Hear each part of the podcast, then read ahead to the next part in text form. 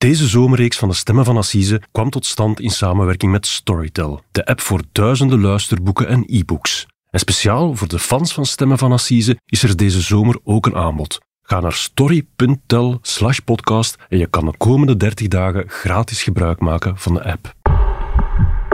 Het Nieuwsblad podcast. De Stemmen van Assise. Hallo, ik ben Bavo Vermeulen, eindredacteur bij het Nieuwsblad. En ik ben Cedric Lagast, journalist bij diezelfde krant. En deze zomer keren we samen terug naar enkele intrigerende moordonderzoeken uit de Belgische vaderlandse geschiedenis. En vandaag hebben we het over een moord op een notaris in Dilbeek.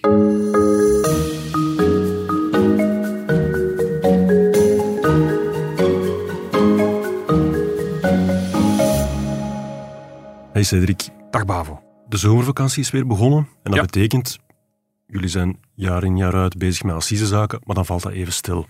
En vorig jaar hebben we hier samen een aantal moorddossiers van 100 jaar geleden eh, besproken, een zomerspecial van de Stemmen van Assise. Ja. En weet je nog wat ik zei bij de laatste aflevering? Je hebt toegezegd dat je het zo interessant vond dat je dacht, dit moeten we verder zetten, dit moeten we opnieuw doen. En kijk, Hier zitten we dan. Ja. Het klopt, we hebben heel veel reactie gekregen op die afleveringen. En er zijn tot op vandaag nog altijd mensen die we contacteren en zeggen dat ze heel graag naar die afleveringen hebben geluisterd. En we die dan vragen van, ja, kom er nog van die afleveringen? Ja, we hebben dat specifiek gedaan om te gaan kijken van hoe gebeurde politieonderzoek zonder DNA-onderzoek, zonder bewakingscamera's. Echt zo oldschool policing en echt een beetje uitgezoomd van die misdaadjournalistiek van hoe ging dat vroeger? Ja. En dat gaan we dus nu opnieuw doen. Ja, maar we gaan naar een andere periode. We schuiven een klein beetje verder in de geschiedenis. We gaan naar het midden van de vorige eeuw. Dat zijn de jaren vlak na de Tweede Wereldoorlog. De jaren 50 en 60 eigenlijk. Wat toen ook een, een zeer bewogen periode is. Je zag daar een beetje een breuklijn, denk ik, tussen, tussen het, het, het België van voor de oorlog en dan de, de jaren 50 en 60 is, is er een heropleving eh, eh, van de economie van, van vrijheden ook. En tegen die achtergrond zijn er een aantal zeer interessante spraakmakende processen gevoerd in ons land, die wij eigenlijk helemaal vergeten zijn. Ja, en jij bent dan opnieuw in de archieven gedoken. Ja. Dat is gegaan zoals de vorige keer. Nee, wel de vorige keer ehm, heb ik me gebaseerd op de strafdossiers zelf. hè. Dat waren dossiers die, die na 100 jaar werden Ja, vrijgegeven juist. eh, door parket-generaal. Nu zijn het dossiers van 70 jaar oud. En die zijn nog geheim. die zitten nog in, in, in de archieven opgesloten. Die zijn nog niet vrijgegeven, dus daar kunnen we nog niet aan. Maar er is, er is wel heel veel over geweten natuurlijk. Ik heb bijvoorbeeld hier eh, op de krant, op de redactie, in ons archief heel veel informatie gevonden. We hielden in die tijd blijkbaar heel veel informatie bij over gerechtelijke zaken. En een ander voordeel eh, is natuurlijk ook dat assiseprocessen toen in de krant, daar werd heel veel over geschreven. Meer dan nu. meer dan nu. Dat waren soms, de pagina's waren veel groter de- en, en, en er waren soms meerdere pagina's over geschreven. Echt letterlijk alles wat in die zaal gezegd werd, stond toen in de krant. Ah, ja. En ehm, ja, op een assisesproces wordt eigenlijk een volledig gerechtelijk onderzoek uit de doeken gedaan. De, Ja. po- de speurders komen daar toelichten wat ze gedaan hebben, de onderzoeksrechter. En aangezien dat je in, in verschillende kranten, als je die allemaal naast elkaar legt, daar heel veel informatie over Ja. vindt, kom je eigenlijk ook heel veel te weten nog over Ja. die onderzoeken. Goed, ehm, wat heb je voor onze eerste aflevering meegebracht? Wel, we moeten naar Delbeek, Bavo, Vlaams-Brabant. We gaan naar het jaar 1952. Dat is eh, vrij kort na de Tweede Wereldoorlog. En we gaan het hebben over een moord op een notaris. Notaris Ferron, die toen 48 jaar was, werd op 1 februari 1944 op klaarlichte dag in zijn kantoor aan de Ninhofse Steenweg te Dilbeek neergeschoten. Door een onbekende die zich per rijwiel verplaatste. Het eerste onderzoek werd spoedig besloten met ontslag van rechtsvervolging. De zaak werd opnieuw ter instructie genomen in november 1949 toen de dader, een onderofficier van het bezettingsleger, gewacht maakte van de moord als een verzetstaat. Cedric, wat we net gehoord hebben, is een, een stuk uit de krant. En wat er opvalt, het is ambtelijke, eh, archaïsche taal toch een beetje. Ja, het is een artikel uit de krant Het Volk van 1952. Ehm, ja, kranten zagen er toen heel anders uit dan vandaag de dag. Ze werden ook anders geschreven, dus misschien daarom dat het een beetje archaïs overkomt. Ja, maar de crux van het verhaal is wel duidelijk. Het gaat om de moord op een notaris op klaarlichte dag en de dader komt met de fiets. Ja, in zijn notariskantoor. Hè. Het, het is uh, een moord die eigenlijk uh, acht jaar eerder al gebeurd is, in 1944. Ah ja, dus volop in oorlogstijd. Ja, absoluut. Uh, België was toen nog bezet door, door de nazi's, door de mm -hmm. Duitsers eigenlijk. En het gebeurt allemaal op een dinsdagochtend. Daar komt dus een man toe op zijn fiets bij het kantoor van notaris Arthur Ferron. Er bestaat een foto van het huis, van hoe het er toen uitzag. Ik heb die foto meegebracht. Ja, dat is geen klein huisje. Dat is echt een, een, een statige villa, bijna kasteelachtig. En dat is dus de plaats waar onze dader met de fiets komt aangereden. Ja, en de notaris werkt en woont daar. Bovenop de eerste verdieping, daar woonde hij met zijn echtgenote. En beneden had hij zijn notariskantoor. En uh, daar werkte hij met een aantal medewerkers. Hè. En hoe is die moord dan precies gebeurd, weet je dat? Wel, er komt iemand toe, hij klopt aan. En uh, Antoon, al acht jaar de vaste klerk van notaris Ferron. Die doet de deur open, die vraagt, ja, wat, wat, komt u doen? Mm -hmm. Hij kent die man niet die daar staat. Het is niet een van de vaste klanten. Het is een, een vrij imposante man die voor de deur staat. Een brede figuur met handen als kolenschoppen, wordt hij later omschreven. En hij heeft in die handen een krantenknipsel vast. Mm -hmm. En hij wil de notaris spreken, zegt hij. En dat krantenknipsel, dat blijkt over de openbare verkoop van een huis in de buurt te gaan. Het lijkt alsof hij om inlichtingen komt vragen. Ja, absoluut. Hij beweert dat hij iets wil vragen over de verkoop van dat huis. En, want dat doen notarissen natuurlijk. Die, mm -hmm. die, die, die, verkopen ook huizen, die begeleiden de verkoop van huizen. En dus Antoon gaat schoorvoetend de notaris halen. Mm -hmm. En als Ferro binnenkomt in de inkomhal, uh, vraagt de man nog eens, bent u echt de notaris? En Ferron knikt. En daarop trekt die bezoeker plots een pistool. Hij richt het wapen met gestrekt arm op de borst van een notaris. En voor nog iemand iets kan doen, schiet hij hem in het hart. Echt een koelbloedige executie, gewoon ja. recht op recht. Absoluut. En de notaris die strompelt achteruit, die grijpt naar zijn hart en hij roept nog naar zijn klerk: Men heeft mij gedood. Het slachtoffer wankelde achteruit terwijl er bloed uit zijn mouw sijpelde. Het pistool was geblokkeerd na het eerste schot, zodat de schutter zich onmiddellijk daarna moest terugtrekken. Hij vluchtte buiten en reed weg in de richting van Brussel met het rijwiel dat hij tegen de gevel van het huis had achtergelaten. We horen hier opnieuw zo'n mooi stukje uit het volk en wat blijkt, onze dader vlucht ook met de fiets weg. Ja, Opmerkelijk. Ja, nu zou dat opmerkelijk zijn dat, dat de moordenaar op een fiets wegvlucht. Uh, maar toen, in volle oorlogstijd, ja, was dat een vrij courante manier om zich te verplaatsen. Ja. Hè. Er, er, er, waren ook niet zo heel veel politiepatrouilles in de buurt die onmiddellijk de achtervolging konden inzetten. Dan konden ze op zijn gemakje wegrijden. Ja, absoluut. Nu, de politie komt wel ter plaatse. De lokale politie van Delbeek is dat dan. Um, die komen ter plaatse. Er wordt een onderzoek geopend. Maar ja, dat onderzoek sterft nogal snel uit eigenlijk. De lokale politiecommissaris zal later ook toegeven in de rechtszaal het was volle oorlogstijd. Mensen die stierven, die werden neergeschoten. Was, ja, dat gebeurde al. Dat was niet zo uitzonderlijk. Delbeek zou pas zeven maanden later, in september 1944, bevrijd worden. En ook, ja, de politie had toen veel katten te geeselen ja, ja. en had ook niet zo heel veel te zeggen, want we waren uh, een bezet land. Ja. En een moord, daar was toen heel weinig capaciteit voor. En eigenlijk, na twee maanden, wordt die zaak geclasseerd, opgeborgen in archieven. De moordenaar is niet gevonden. Het onderzoek in 1944 sterft een stille dood. Ja. Maar dan moeten we voorspoelen naar 1952, ons krantenartikel van daarnet. Mm -hmm. Komt dat ineens terug boven water? Ja, absoluut. Er is plots een doorbraak in het onderzoek. Plots blijkt er wel een spoor naar de moordenaar. En dat, die doorbraak die komt eigenlijk uit Duitsland. Daar is na de oorlog ook een deel van het Belgisch leger gestationeerd. Mm -hmm het resultaat van de uitkomst van de oorlog uiteraard. En dan, is het, uh, dan worden er Belgen naar Duitsland gestuurd in plaats van, van omgekeerd. Ja, de boefers. De boefers, voilà. En op een avond is daar een sergeant, een veertiger, uh, die hem bij een drinkgelag, zoals het toe wordt neergestreven, straffe verhalen begint te vertellen. Ja. De flessen bier komen daar in de kazerne op tafel en hij vertelt dat hij tijdens de oorlog bij het verzet is geweest. Okay. En hij begint over zijn heldendaden te vertellen, wat hij allemaal gedaan heeft binnen het verzet, hoe hij zijn land geholpen heeft toen al. Hè. En zo heeft hij eens, zo vertelt hij, een gevaarlijke landverrader doodgeschoten. In zijn notariskantoor.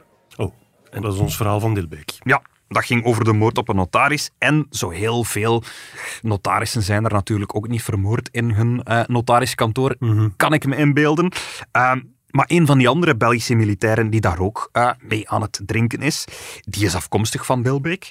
En die herkent dat verhaal ook natuurlijk. Die denkt natuurlijk ook, oh, een notaris neergeschoten. Ja, dat zal wel over Ferron gaan. Want... En hij stapt er dan mee naar de politie? Ja, niet direct naar de politie. Ehm, hij komt terug in Vlaanderen, hè, als zijn dienst erop zit. Hij gaat in Dilbeek op café. En daar vertelt hij dat aan, aan iedereen. Aan iedereen begint hij te vertellen, weet je nog, die moord op die notaris. Want toen in de tijd ook in 1944 was dat groot nieuws natuurlijk. De notaris van het dorp die in zijn kantoor wordt neergeschoten. Ook toen werd daarover gesproken. Acht jaar later komt hij terug en zegt hij, ja, moet nu moet wel weten. Ik weet wie dat gedaan heeft. Dus voilà, iedereen hangt aan zijn lippen. Heel Dilbeek hoort op den duur dat verhaal. En ook de familie van notaris Ferron. Die komen dat ook te weten. Ja, en die zijn natuurlijk gealarmeerd en die zeggen, hier moeten we iets mee doen. Voilà, en zij stappen wel naar de politie. Hè? En er wordt opnieuw een onderzoek geopend. En het is niet de politie van Tilbeek deze keer, maar de Brusselse gerechtelijke politie. Dat is een stapje hoger. Ja, dat bestaat nu niet meer, de gerechtelijke politie. Dat is bij de politiehervorming in 2001, denk ik, afgeschaft. Maar toen, dat waren degenen die, die de moten onderzochten. Mhm. En commissaris Jean van Kakenbergen wordt met het onderzoek belast. En hij stapt op de trein en hij reist helemaal naar Duitsland op zoek naar die loslippige sergeant. Dus echt, hij gaat die man zoeken. Ja, om te weten, bier, wat heeft hij nu eigenlijk echt verteld. Mhm. Ja. En dat lukt. Ja, hij vindt die sergeant. Hij, hij, neemt die sergeant apart en hij zegt, ik heb gehoord dat jij iets weet over die moord op notaris Ferron. En um, die sergeant, die biegt dan meteen op, zonder schroom. Ik heb die verrader doodgeschoten. Meneer Gustave, ik ben hier om u te ondervragen over de moord op notaris Ferron. Hebt jij dat gedaan? Ja. Hebt jij hem doodgeschoten? Ja. Toen uh, mijn broer mij die inlichtingen over Ferron bracht, heb ik hem direct gezegd: Ik ga dat doen. En werd jij geld beloofd? Ja. Toen mijn broer over die zaak kwam spreken, heeft hij mij inderdaad gezegd dat er uh, geld zou worden gegeven. Maar uh, had mij geen geld beloofd, dan had ik het nog gedaan, zo. waarom? Ja, ik was in de waan een goed werk te hebben verricht. En het is pas later dat ik heb ingezien dat de zaak verdacht was. Want uh, voor andere terechtstellingen heb ik geen geld gekregen. Cedric, onze dader geeft niet alleen onmiddellijk toe, ja, ik heb die notaris vermoord, mm hij voegt er meteen aan toe, ik heb er ook nog geld voor gekregen. Ja. Wat voor een figuur is dat eigenlijk?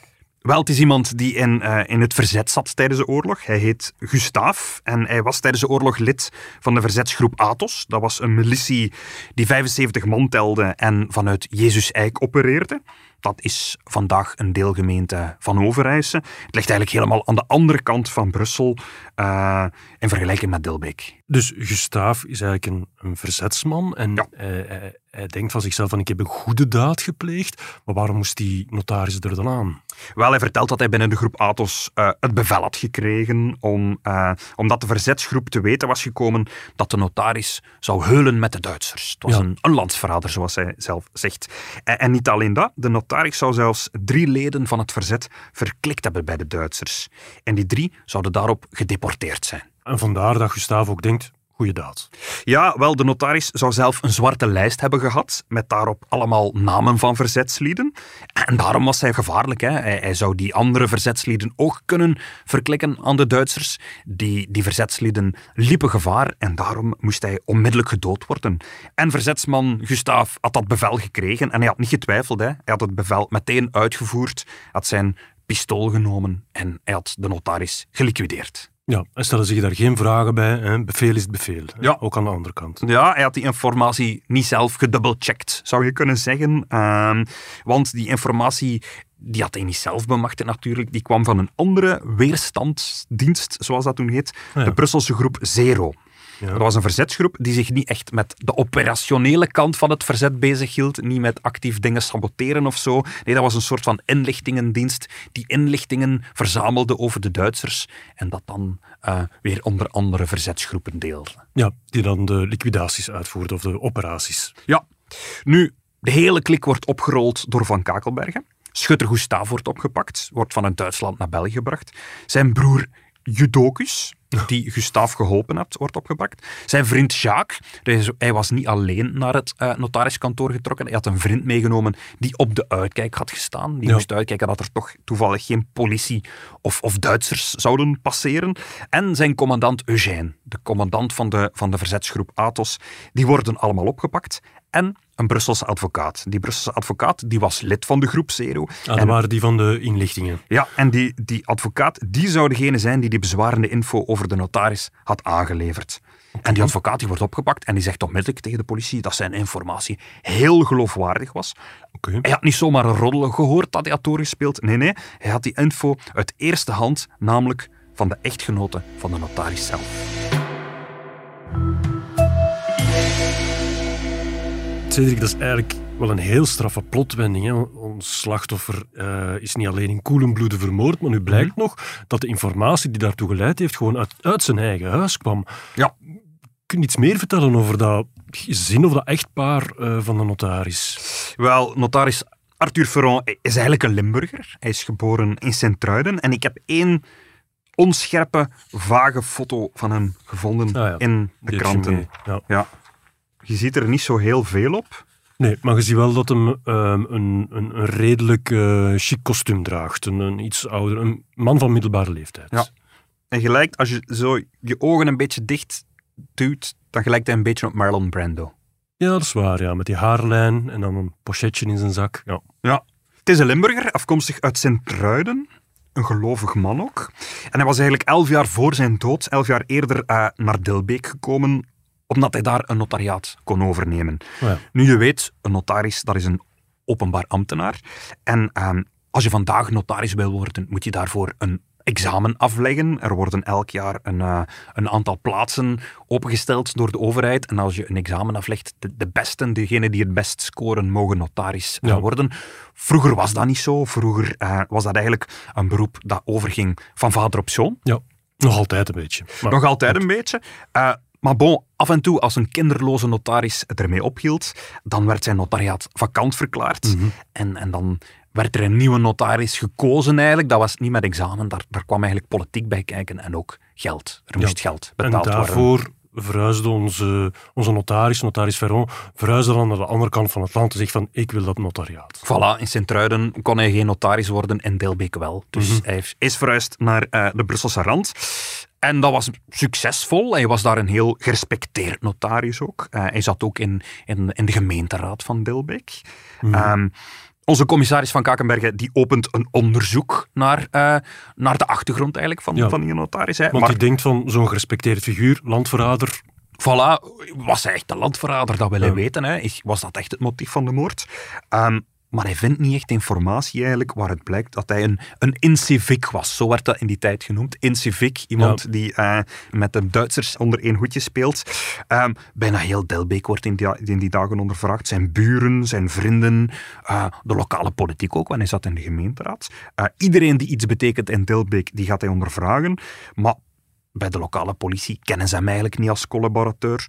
De veldwachter, de gemeentesecretaris en zelfs de burgemeester, die waren daarvan niet op de hoogte. En de burgemeester, die is belangrijk, want die burgemeester Robert Verheijden is één van die drie mannen die in der tijd zogezegd door hem verraden zouden zijn Ah ja. en daarna gedeporteerd werden door de Duitsers. Maar die Verheijden zegt, daar was niks van aan. Hij kent zijn eigen verhaal. Hij weet hoe hij uiteindelijk in, in de handen van de Duitsers is gevallen. En, en hij zegt, niet door Ferron. de notaris had daar niks mee te maken. Nee. Dus op dit moment is er gewoon geen enkel bewijs of hard bewijs dat de notaris slechte bedoelingen had. Nee.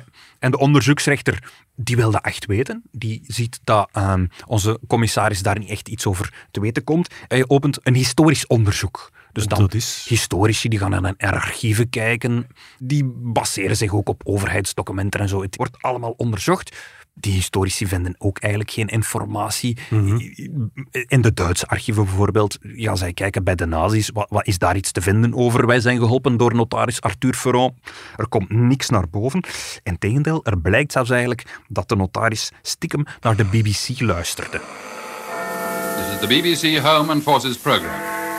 Here is the news, and this is John Snagg reading it. Nu, je weet, de Belgische regering tijdens de bezetting, die zat in Ja, ballingschap in Londen. Die Ja. waren gevlucht het kanaal over. En eigenlijk, via de Britse omroep BBC, spraken zij clandestien s'avonds de Belgische bevolking toe. En, en, en daar mocht je eigenlijk niet naar luisteren. Hè. Dat was, als de Duitsers dat te weten kwamen, eh, dan zat je dik in de problemen. Maar meer nog, de notaris die las ook sluikbladen van het verzet. Eigenlijk verboden krantjes die het verzet drukten met informatie daarover. En hij bleek die ook rond te delen in Delbeek aan andere mensen. Dus de voorlopige opvallende conclusie van dat onderzoek is... Ze hebben geen bewijzen gevonden dat hij een landverrader zou zijn, maar Nee. eerder omgekeerd. Eerder richting het verzet, de kant van het verzet. Ja, ik, ik denk dat hij zich misschien op de vlakte hield. Dat hij toch niet echt lid was van het verzet, maar toch ook zeker geen sympathie voor de Duitsers had. Nee, maar volgens die informatie van zijn eigen echtgenote zou hij dat wel zijn, hè, met zijn zwarte lijst van verzetslieden. Ja. Wat voor een vrouw is dat dan? Wat weten we daarover? Wel, notaris Veron was al 19 jaar getrouwd met die vrouw, Irma. Dat was een, ook een Limburgse, een meisje uit Hasselt. Ook van haar bestaan er foto's, maar wel van op latere leeftijd toen ze al 58 jaar was, Bavo.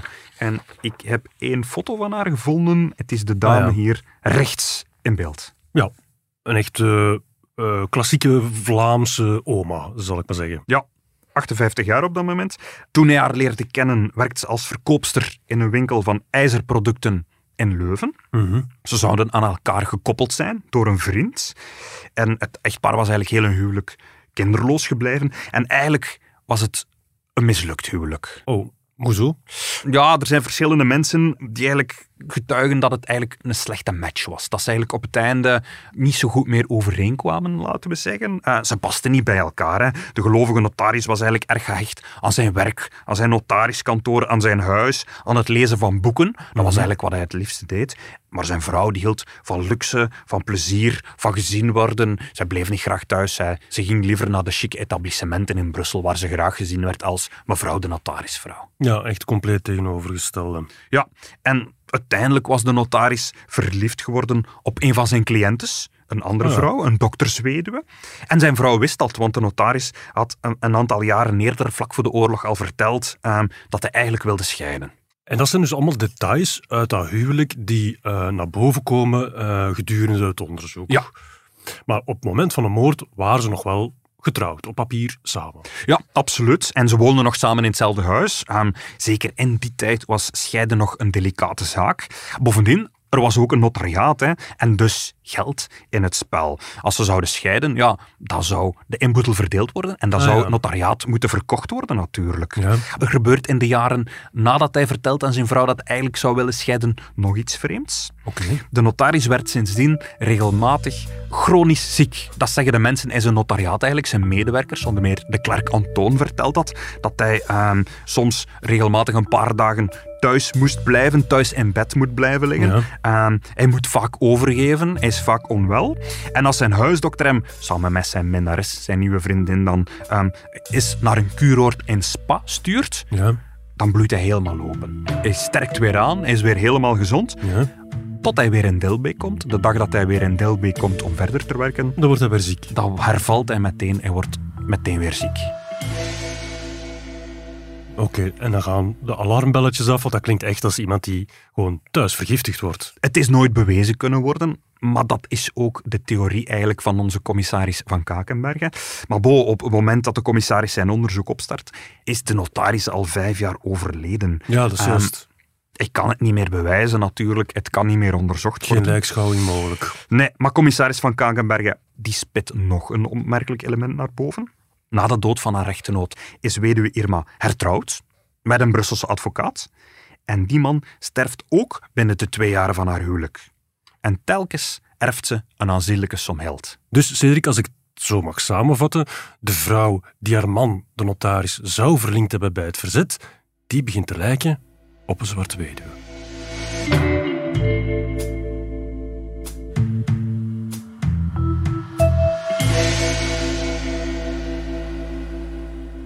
Cedric, de moord op de notaris wordt nu stilaan ontrafeld. We hebben een dader, we hebben een bekentenis. Maar over de bestelling van de moord, als ik het zo mag noemen, hangt er toch nog een beetje een geheimzinnige waas. Ja. En dat, tijdens de loop van het onderzoek wordt dat dan duidelijk hoe dat dan in elkaar zit. Wel, nee, het moet eigenlijk vooral in een rechtszaal duidelijk worden. Ah, ja. Ehm, er komt een assiseproces en de, de deuren van de Brusselse assisezaal die zwaaien open op een maandag, op maandag 29 september 1952.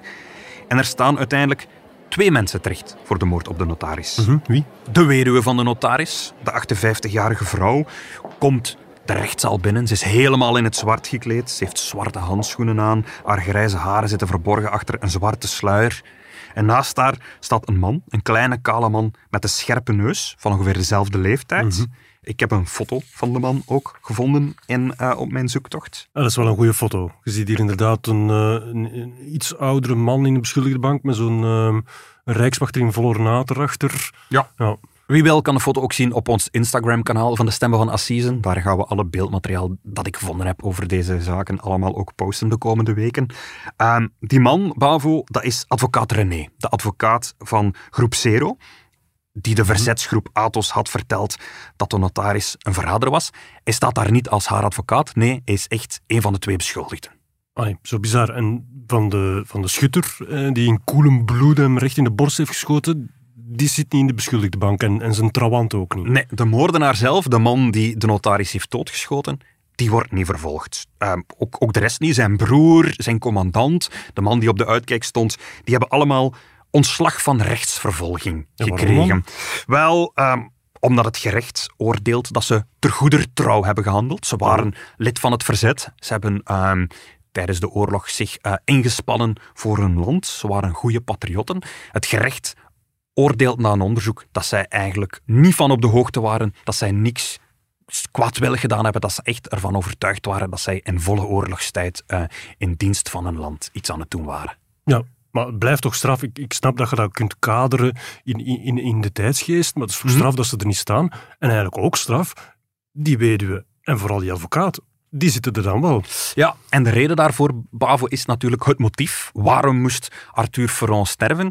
Ehm, er is aan die verzetsmannen gezegd van dat dat was omdat hij een collaborateur was. Ja.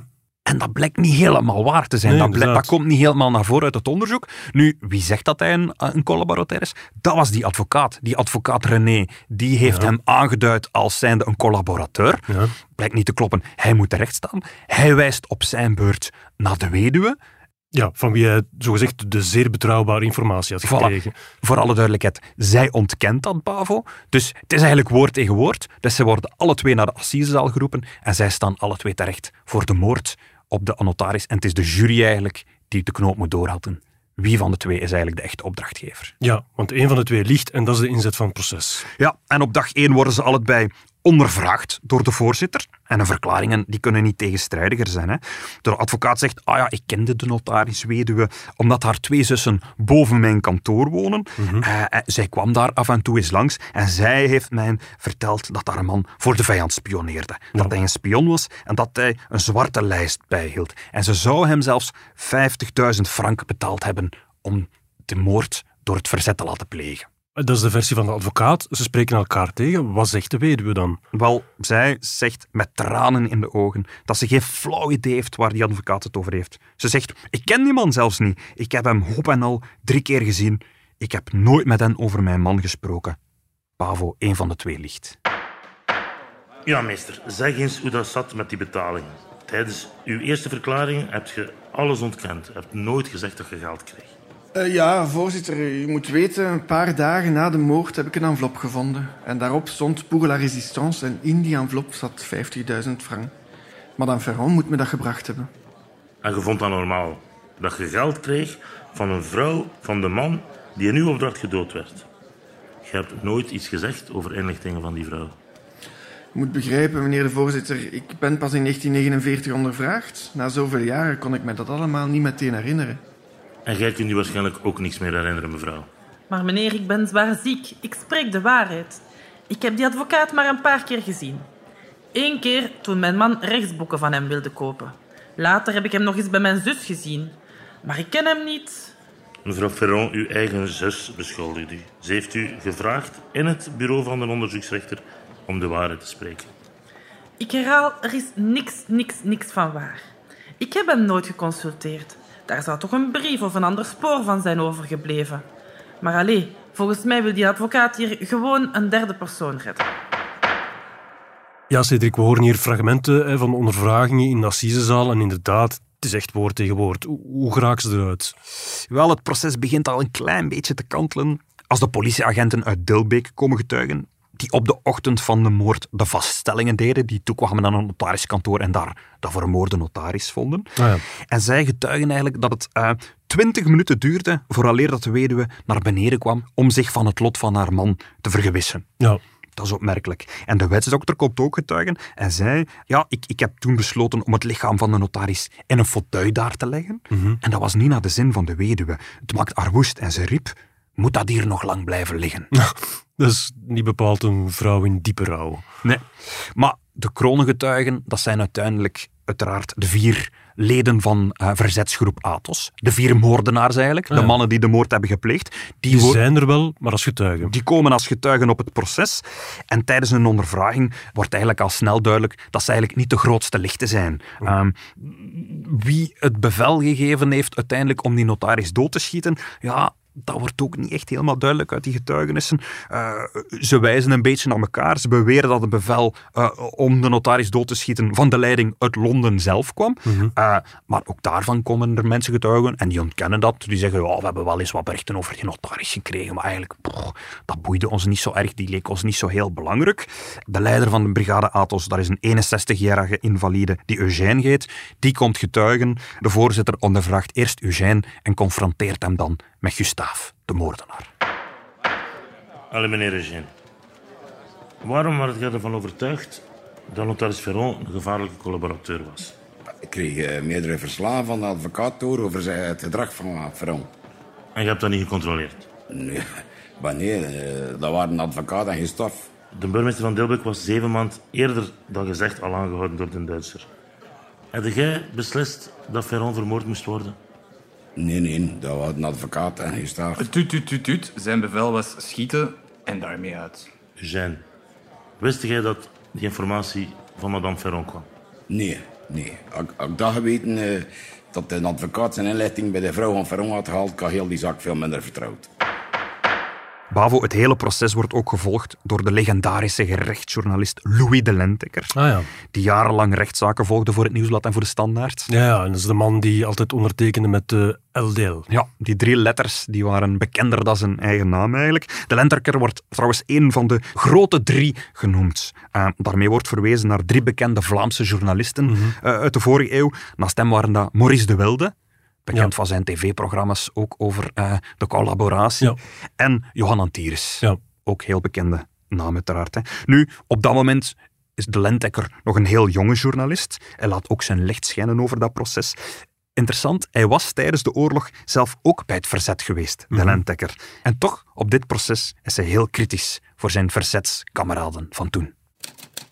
Na het verhoor van de zware mannen van het verzet moet men bekennen dat die verzetsmannen tenslotte brave mensen waren, die ter zake niet met kwade bedoelingen bezield waren. Maar wel mannen die zo simpel zijn dat het misdadig te noemen is dergelijke mensen tijdens de bezetting een verantwoordelijke post te hebben gegeven en hun heer en meester te hebben gelaten over het leven en dood van hun medemensen. Eerst leek deze zaak een, een oorlogsmisdaad of een verzetsdaad of een executie. Maar nu die uitvoerders, die komen er gewoon niet meer aan te pas. Die zijn kroongetuigen, geen beschuldigden. En dan zitten daar die notaris en die weduwe. Ja. Had die dan een relatie met elkaar? Wat is daar het verhaal? Wel, dat is ook een van de vermoedens van onze commissaris van Kakenbergen. Want hij noteert ook in een van zijn processen verbaal dat hij de twee met elkaar confronteert. En dat hij vanuit zijn ooghoeken ziet hoe de weduwe een oogsken trekt naar de notaris. Dus hij vermoedt ehm, dat ze misschien een affaire hebben of zo. En dat ze eigenlijk een deal hebben gemaakt van we ruimen eh, mijn echtgenoot uit de weg. Maar dat blijkt helemaal niet zo te zijn. Of dat komt toch ook helemaal niet naar voren uit de, uit de rest van het onderzoek. Ehm, want er is niemand die kan getuigen dat zij een relatie hebben. Meer nog, de weduwe hertrouwt met nog een andere advocaat. Oh ja. En onze advocaat René, die blijft ook zijn echtgenote trouw. Nu, onze commissaris denkt verder en misschien denkt van, misschien hebben zij samen samengespannen om het geld van de notaris eh, in handen te krijgen. Maar ook dat komt er niet helemaal uit, want na zijn dood wordt het notariaat verkocht Ja. aan een andere notaris.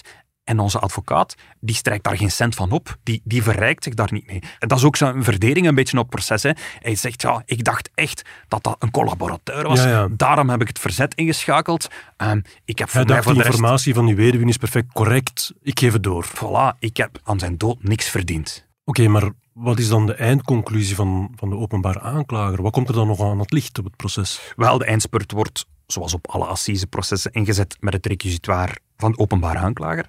En hij vraagt de jury om de twee beschuldigden allebei te veroordelen. Mhm. Wat het motief was van advocaat René, zegt hij, dat weet ik eigenlijk ook niet. Want de man was niet de minnaar. Hij heeft zich ook niet verrijkt. Maar de weduwe, die erfde 2,2 miljoen Belgische frank na de dood van Anwan. Waaronder een villa ter waarde van 1,7 miljoen Belgische frank en 200.000 frank aan juwelen. En? En de jury trekt zich terug en na anderhalf uur debatteren is de jury er al uit, Bavo. Dat is relatief snel en wat is het verdikt? De advocaat wordt over de hele lijn vrijgesproken. Hij mag meteen de beschuldigde bank verlaten en hij vliegt in de armen van zijn vrouw, die het hele proces gevolgd heeft. Maar Irma, de notarisweduwe, zij wordt schuldig bevonden en ze wordt veroordeeld tot 20 jaar dwangarbeid. Zij betaalt het gelag voor de moord. Zij is dus echt de kwade genius in heel het verhaal. Ja, en de voorzitter zegt: Het Hof en de jury hebben met versteldheid kennis genomen van de weerzinwekkende wijze waarop gij het moordplan op uw man hebt beraamd. We hebben tevergeefs uitgekeken naar een blijk van spijt. Wan Bavo, ze is natuurlijk het hele proces blijven beweren dat ze er niks mee te maken had, dat ze niks verteld had aan die mannen van het verzet, dat ze helemaal geen opdracht had gegeven. Maar bon, die strenge woorden van de voorzitter, het maakt niet de minste indruk op haar.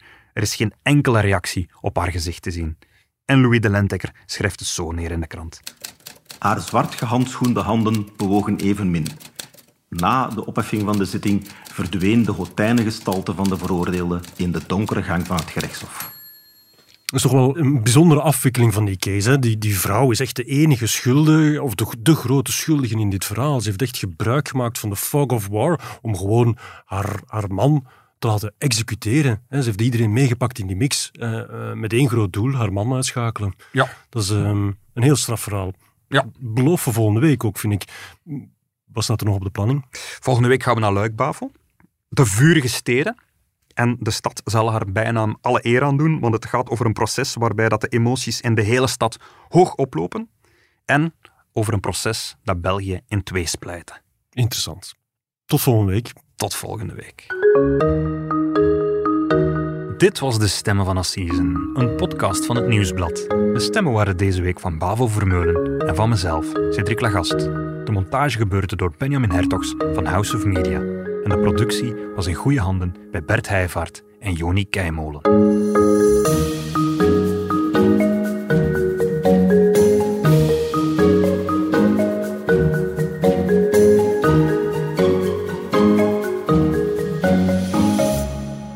Heb je de andere podcasts van het Nieuwsblad al beluisterd? Seks verandert alles, Het Punt van Van Impe, Vrolijke Vrekken, Shotcast en De Koers is van ons.